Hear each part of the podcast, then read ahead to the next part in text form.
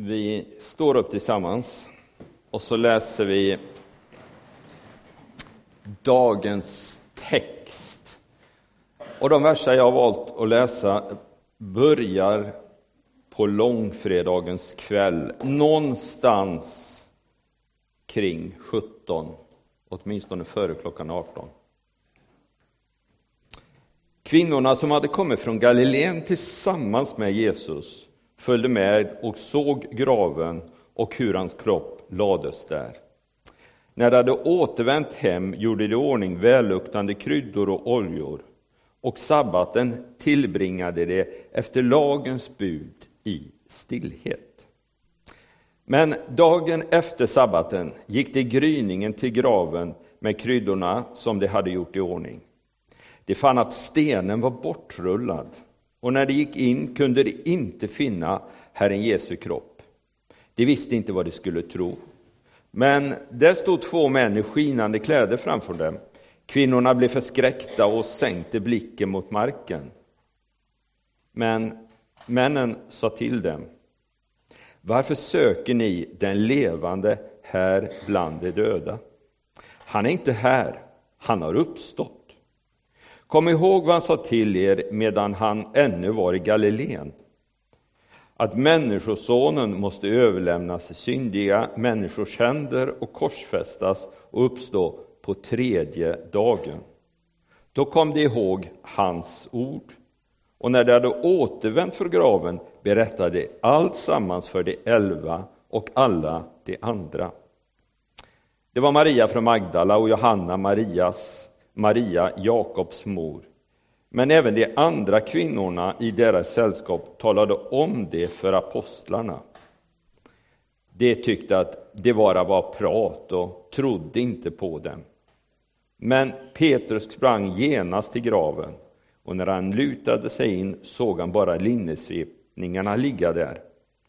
Och han gick därifrån full av undran över det som hade hänt. Amen. Tack Jesus att vi får läsa bibeltexten än en gång om påskdagen och dess budskap, Herre. Hjälp oss så vi finner någonting i den här texten idag som kan vara till uppmuntran, glädje och jubel. Amen. Varsågod och sitt. Det är alltså påskdagen idag. Och i kontrasten till långfredagen så blir ju det här festen. Det blir ju jublet. Jag tyckte det var en fantastisk skrivning som Magnus hade där. Och förlåt att jag dog, men nu har jag uppstått. Ja, teologiskt kanske den inte är hållbar, men som referens är den väldigt rolig. Ja, jag kom tillbaks. Jag klarade det. Ja, det gjorde faktiskt Jesus och därför behöver vi och jubla. Glada tillrop, självklart, så läser vi in det här i bibeltexterna när vi läser dem. Det är ju självklart. Men när jag har läst texterna så har jag funderat på hur är det för dem som är på väg till graven? Och vad är det liksom för klangbotten i deras resonemang när de närmar sig graven. Är det jubel? Är det glädje hos kvinnorna? Är det jubel? Är det glädje när Petrus springer mot graven och blir omsprungen av Johannes, även om Petrus tränger sig före in som vanligt? Eller är det något annat?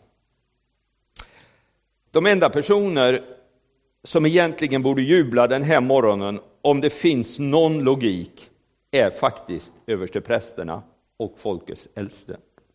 De borde ha ett riktigt rejält party hemma hos Kajfas eller Hannas, översteprästerna. För de har ju faktiskt lyckats, som det ser ut, med det som var deras målsättning. Läs ingångstexterna till påsk, så kommer de överens om att de ska försöka få Jesus röjd ur vägen, och det har de lyckats med party, glädje, fest. Kvinnorna som vi möter i texten är ju egentligen på väg till graven för att göra ett värdigt avslut på Jesu liv här på jorden. De har med sig kryddor. Det finns de som säger att det gick åt 30 kilo kryddor för en sån här beredelse. Så det, det, är inte bara liksom en liten Santa Maria krydd de har med sig. Det är något stort det här. Det är något viktigt. Det ska vara fullkomligt. De ska på ett värdigt sätt avsluta Jesu liv. Ett liv som troligen enligt dem blev alldeles för kort. Även om medellivslängden på den här tiden var betydligt kortare än vad den är idag. Den kanske var någonstans där Jesus var, 25 till 35 år någonting. Så Jesu liv kanske hade fyllt den kvoten på det sättet. Vad är det då som präglar personerna och kanske framförallt kvinnorna eftersom de har en framträdande roll? Vad är det liksom som är klangbotten när de går? Jag ska försöka teckna den först och sen ska jag ge dig fyra reflektioner utifrån bibeltexten och den klangbotten och försöka föra över det till vårt liv. Det första som jag tänker präglar de här kvinnorna som är på väg mot graven och präglar lärjungarna och präglar alla som har följt Jesus egentligen, det är sorg. Uppriktig sorg den här morgonen. Jesus är ju död. För tre år sedan satsade tolv relativt unga män allt på ett kort och följde Jesus. Lämnade sina jobb mer eller mindre, lämnade sina familjer hemma, de som hade, och följde honom. De blir så småningom 72 och de blir fler och fler och de blir till slut så många så de säger att alla pratar ju om Jesus, alla är ju liksom involverade. Det är därför översteprästen har fattat sitt beslut.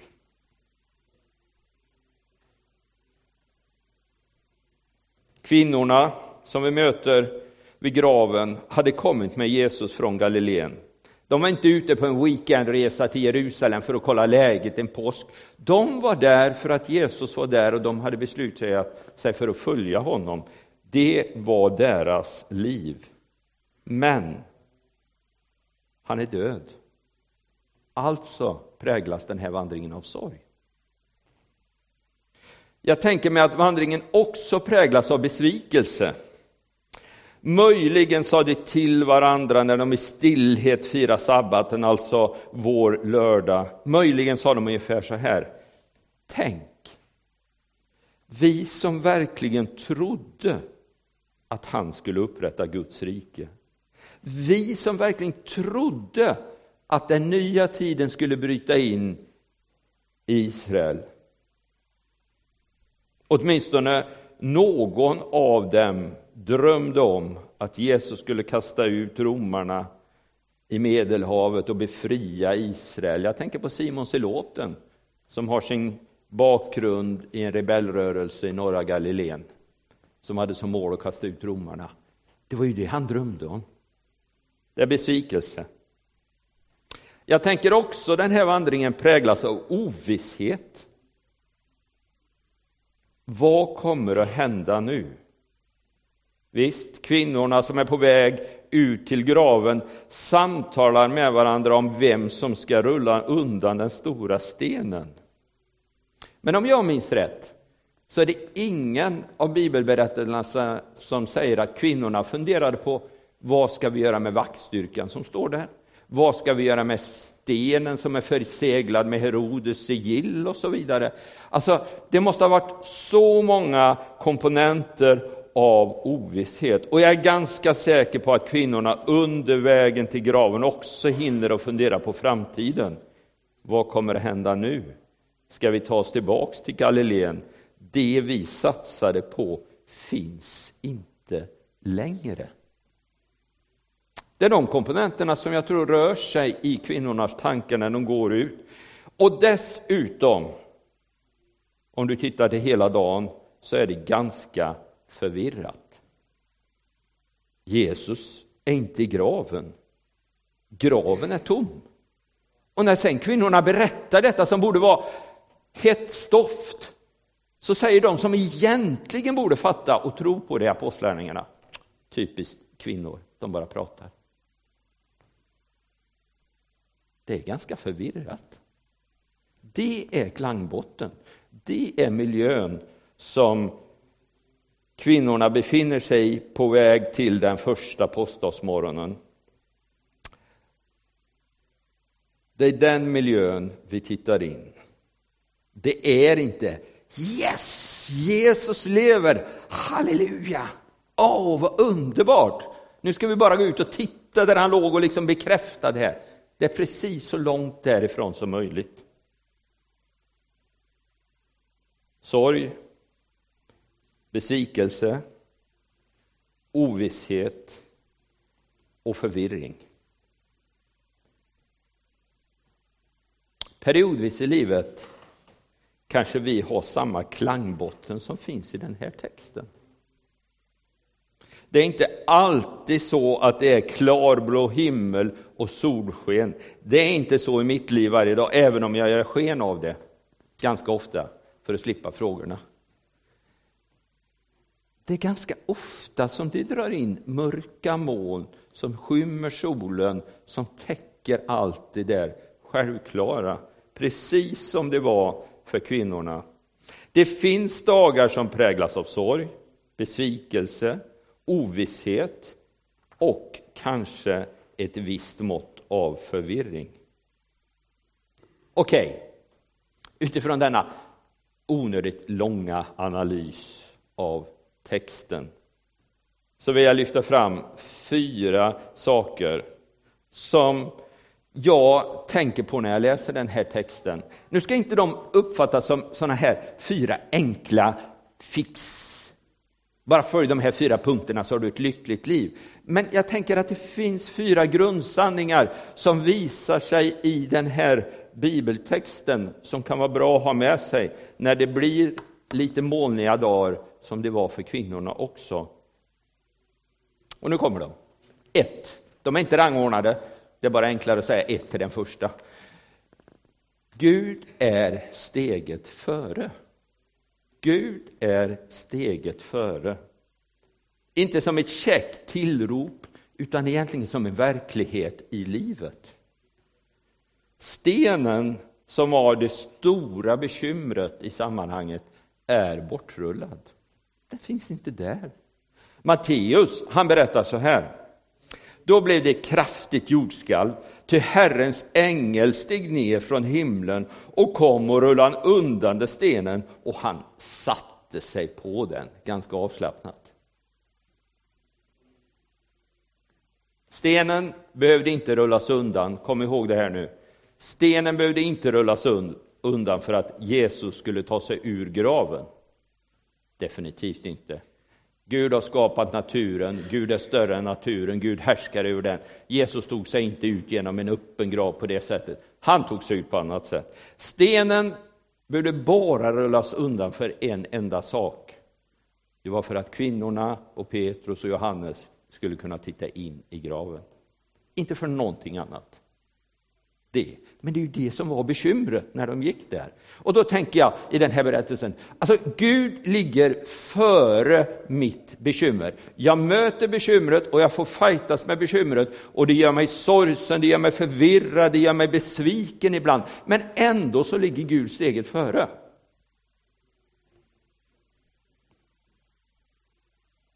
Och så har det varit genom hela historien i samband med syndafallet. Adam och Eva gör det förbjudna, äter av frukten. Gemenskapen med Gud bryts. Katastrofen inträffar. Inte för Gud i första hand, nej. Men för oss som människor. Och den katastrofen har medfört väldigt mycket besvikelse, väldigt mycket lidande, väldigt mycket ont och så vidare. Det ska vi klara. Men katastrofen var inte för Gud i första hand. För direkt efter syndafallet, vad gör Gud? Jo, han pekar faktiskt fram mot Jesus Kristus. Korset, påsken, döden och uppståndelsen. Och säger att till djävulen, du ska stinga honom i hälen, men han ska krossa ditt huvud. Under årtusendena sen så pekar han på Golgata Gud genom olika bilder och texter i Bibeln när du läser Gamla Testamentet. Uttåget ur Egypten, påskalammet, kopparormen, Jesaja 53. Han var sargad för våra överträdelser, han var slagen för vår skull. Allt var lagt på honom för att vi skulle få frid och genom hans sår blir vi helade. Alltså, Gud är alltid steget före. Det var det första jag funderade på utifrån påskdagstexten. Och då har vi redan citerat det. Men då är det så här, detta är kärleken. Inte att vi har älskat Gud, utan att han har älskat oss och sänt sin son som försoningsoffer för våra synder. Alltså, detta är kärleken. Du och jag är älskade av Gud från begynnelsens morgon. Han låg steget före. Så när du och jag kommer till Jesus Kristus och ger vårt liv, så är det inte vårt, jo det är vårt livs stora beslut, men det är egentligen bara vår respons på det som Gud redan en gång i tiden har gjort och bestämt. Han ligger steget före. Och så säger han så här i Efesierbrevet Paulus. Vi är hans verk skapade genom Kristus Jesus till att göra goda gärningar som Gud från början har bestämt oss till.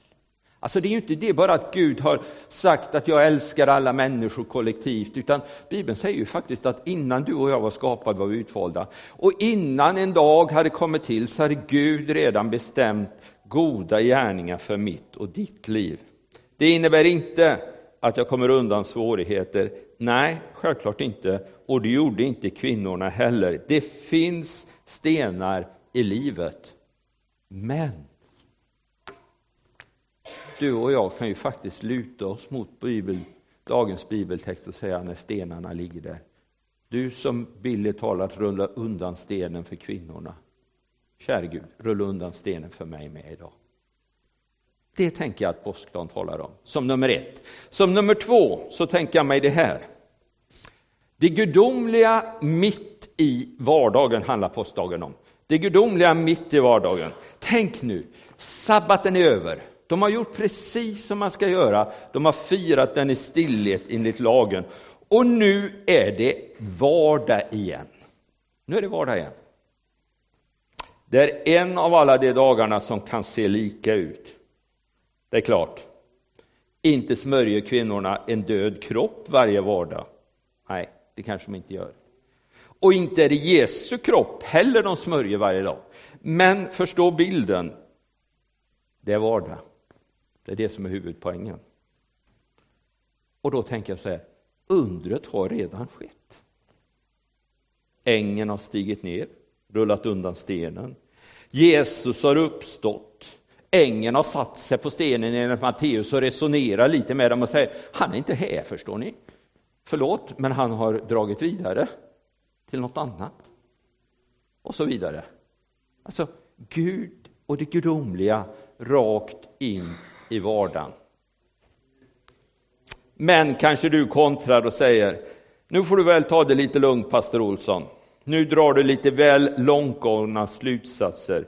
Kvinnorna vid graven är en unik avgörande händelse i världshistorien. Är det inte lite väl magstarkt att fundera det, på det utifrån vår vardag? Klart, jag vet väl att det här är en historisk händelse. Men jag tänker att i det här så möter jag något principiellt viktigt i berättelsen, nämligen att Gud finns mitt i min vardag och ligger steget före jämt och ständigt.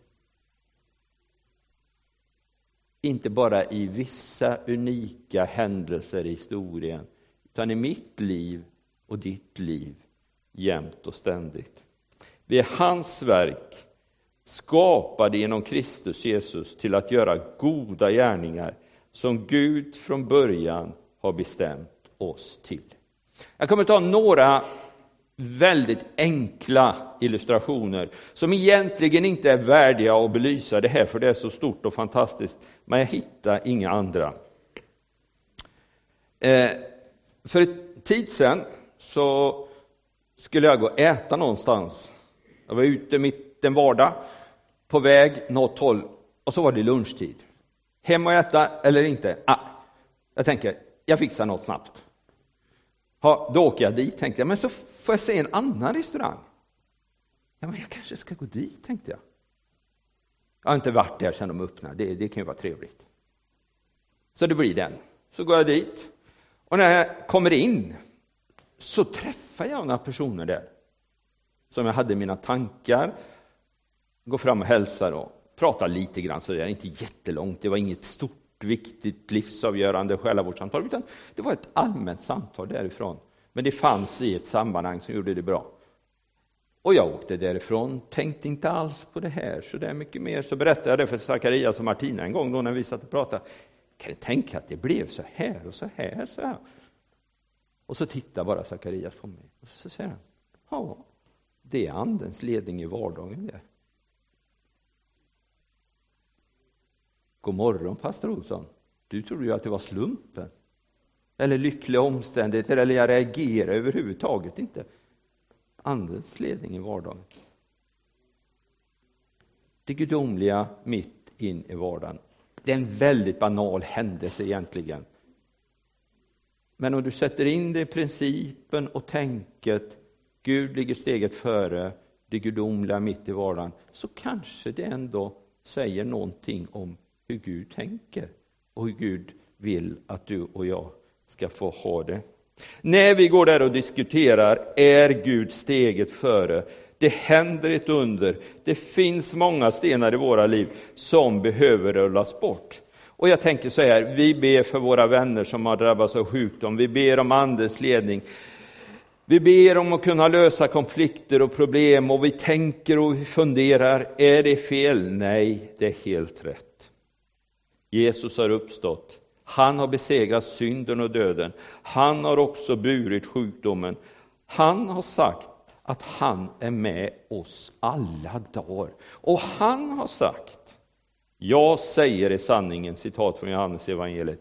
Den som tror på mig ska göra de gärningar som jag gör och ännu och större än så ska han göra, för jag går till Fadern. Och vad ni än ber om i mitt namn ska jag göra det, för att Fadern ska bli förhärligad. Om ni ber om något i mitt namn skall jag göra det. Alltså, det är det jag tänker postorn står för. Gud ligger steget före det gudomliga mitten i vardagen. Sen finns det fortfarande stenar som du och jag behöver rulla på. Den tredje funderingen. Det gudomliga är faktiskt inte alltid så lätt att greppa. Ta min slumpen kontra Andens ledning. Kom ihåg vad han sa till er medan han ännu var i Galileen, att Människosonen måste överlämnas till syndiga människors händer och korsfästas och uppstå på tredje dagen. Vers 10. Det var Maria från Magdala, Johanna och Maria, Jakobs mor. Även de andra kvinnorna i deras sällskap talade om det för apostlarna. De tyckte att det bara var prat och inte trodde på dem. Jesus hade talat med dem om sin uppståndelse. Inte i klartext från början, han hade ju lindat in den kommande händelsen. Men ju närmare han kommer, faktum att han ska korsfästas, ju tydligare talar han med dem. Och till slut så säger de, nu talar du klartext med oss.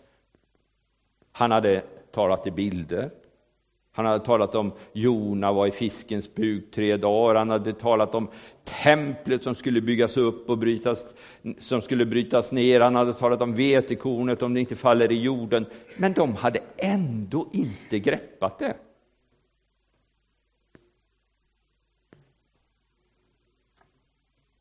Och Petrus greppade inte fast han har sprungit ut till graven, tittat in och fast Petrus har liksom stått och sett när Jesus stillar stormen, när han förvandlar fem bröd och två fiskar så det räcker till 20 000, när han gör det ena efter det andra. Alltså, vi är Guds sällskap om vi inte alltid greppar allting. Är ni med? Anklagas, vi ska inte anklaga oss för mycket. Det är inte alltid så lätt att förstå det gudomliga. Det var bara det som var min fundering. Och så kommer den sista. sen ska vi sjunga en sång och sen ska vi fira nattvard. Var söker jag? Eller var och vad söker jag? Varför söker ni den levande här bland de döda? Är kvinnorna på fel plats? Nej, det är de faktiskt inte. De är där för att smörja den döda kroppen. När Jesus begravs, det var ju det vi läste i början, så följer de faktiskt med för att se var graven är belägen. Jag tror att de följer med som en del i deras förberedelse för att ge Jesus en värdig begravning. Jag tror inte det bara var slumpen att de fick se det. Jag tror det låg i deras tanke. Men ändå på något sätt när vi läser det så är de på fel plats i fel tid med fel syfte nästan. För Jesus uppstånden, han är inte där. Vad söker jag? Det finns så mycket i tillvaron som ser så bra ut, som ser så rätt ut. Logiskt är det helt okej, okay, för det var det ju för kvinnorna också. Men, och det här funderar jag ganska mycket på. Vad söker jag? Den senaste tiden har jag funderat ganska mycket på det. Och jag försöker att göra vissa justeringar i mitt liv för att söka rätt. Och jag upptäcker att det är så svårt. För vi är så invanda i vanor. Vad låter jag tala in i mitt liv? Och vad låter jag forma mina värderingar? Vad låter jag bygga min karaktär? Eh, jag sa i Missionskyrkan en gång när jag predikade, jag vet inte om det var i julas eller i somras, att jag älskar min telefon. Och det fick jag några kommentarer på. Men jag kan nog säga att jag älskar min telefon. Och för ett antal år sedan, det här är en illustration, för ett antal år sedan, jag vet inte hur länge sedan det är, tre, fyra, två, tre, fyra, så gick min klocka sönder. Äh, tänkte jag, jag har ju min telefon. Vad ska jag ha klocka till? Jag har ju alltid en klocka med mig. Eh, men så har jag märkt efterhand att det innebär ju att jag tittar alldeles för mycket på den telefon som jag läser. Alltså jag kan ju titta vad klockan är, men när jag väl har gjort det så är det ju så lätt att titta på något annat. Och jag tittar inte på något fel, inga skumma sidor, ni behöver inte vara rädda, det är ingenting sånt, utan det är bara legalt och rätt allting. Eh, men så fyllde jag år för en månad sedan. Och så tänkte jag, ja, men jag ska önska mig en klocka. Det blir ju bra. 60 år, vet du. Klocka, då kan man ju dra till lite med priset också. Så jag valde ut en. Sen när jag kommer till affären så, så väljer jag ju en helt annan. Present och present. Jag har valt den. Jag har betalat den med mitt kort. Men jag har fått den i present. Av min familj. Det är gemensamma konton i botten. Och så har jag den då, helt ny klocka. Så jag, ah, det var ju bra, tänkte jag, nu ska jag börja använda det. Och vet ni vad som händer? I stort sett varenda morgon, åtminstone 60 procent av morgnarna, så glömmer jag att ta på mig klockan. Den ligger på hyllan ovanför sängen varje dag. För jag har någon rutin på att jag inte gör det. Däremot, min telefon som jag har haft, jag har inte samma, men jag har haft mobiltelefon i ungefär 20-25 år. Klocka har jag haft sedan jag var fem år. Men den här glömmer jag aldrig, nästan. Den är jämt med. Och till och med idag, när jag har skrivit in det i mitt utkast som en illustration, så har jag glömt min klocka hemma. Vad söker jag?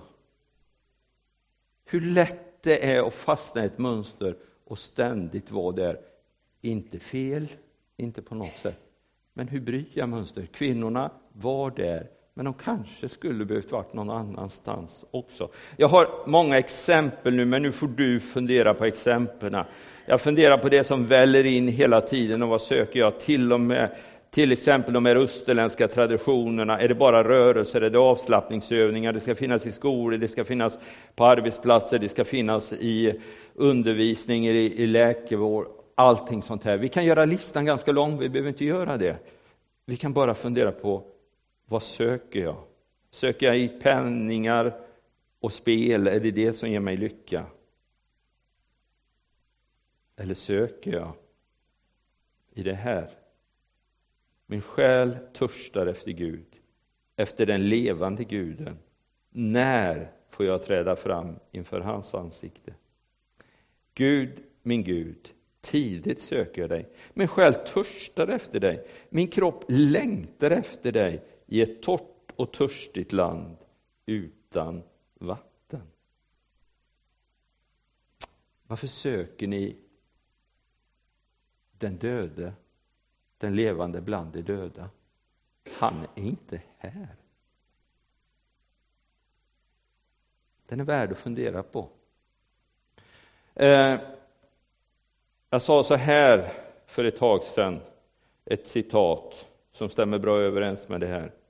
Vi äter oss hungriga, men svälter oss mätta när det gäller det andliga. Nu har vi dukat fram nattvardsbordet. Vi har en förbönsbänk där, vi har en ljusbärare där. Vi firar påskdagen. Ursäkta att det blev lite tungt och lite funderingar. De hade säkert roligare i söndagsskolan. Men vad söker jag? Vad söker jag? Nu ska vi sjunga och så ska vi göra oss klara för nattvarden.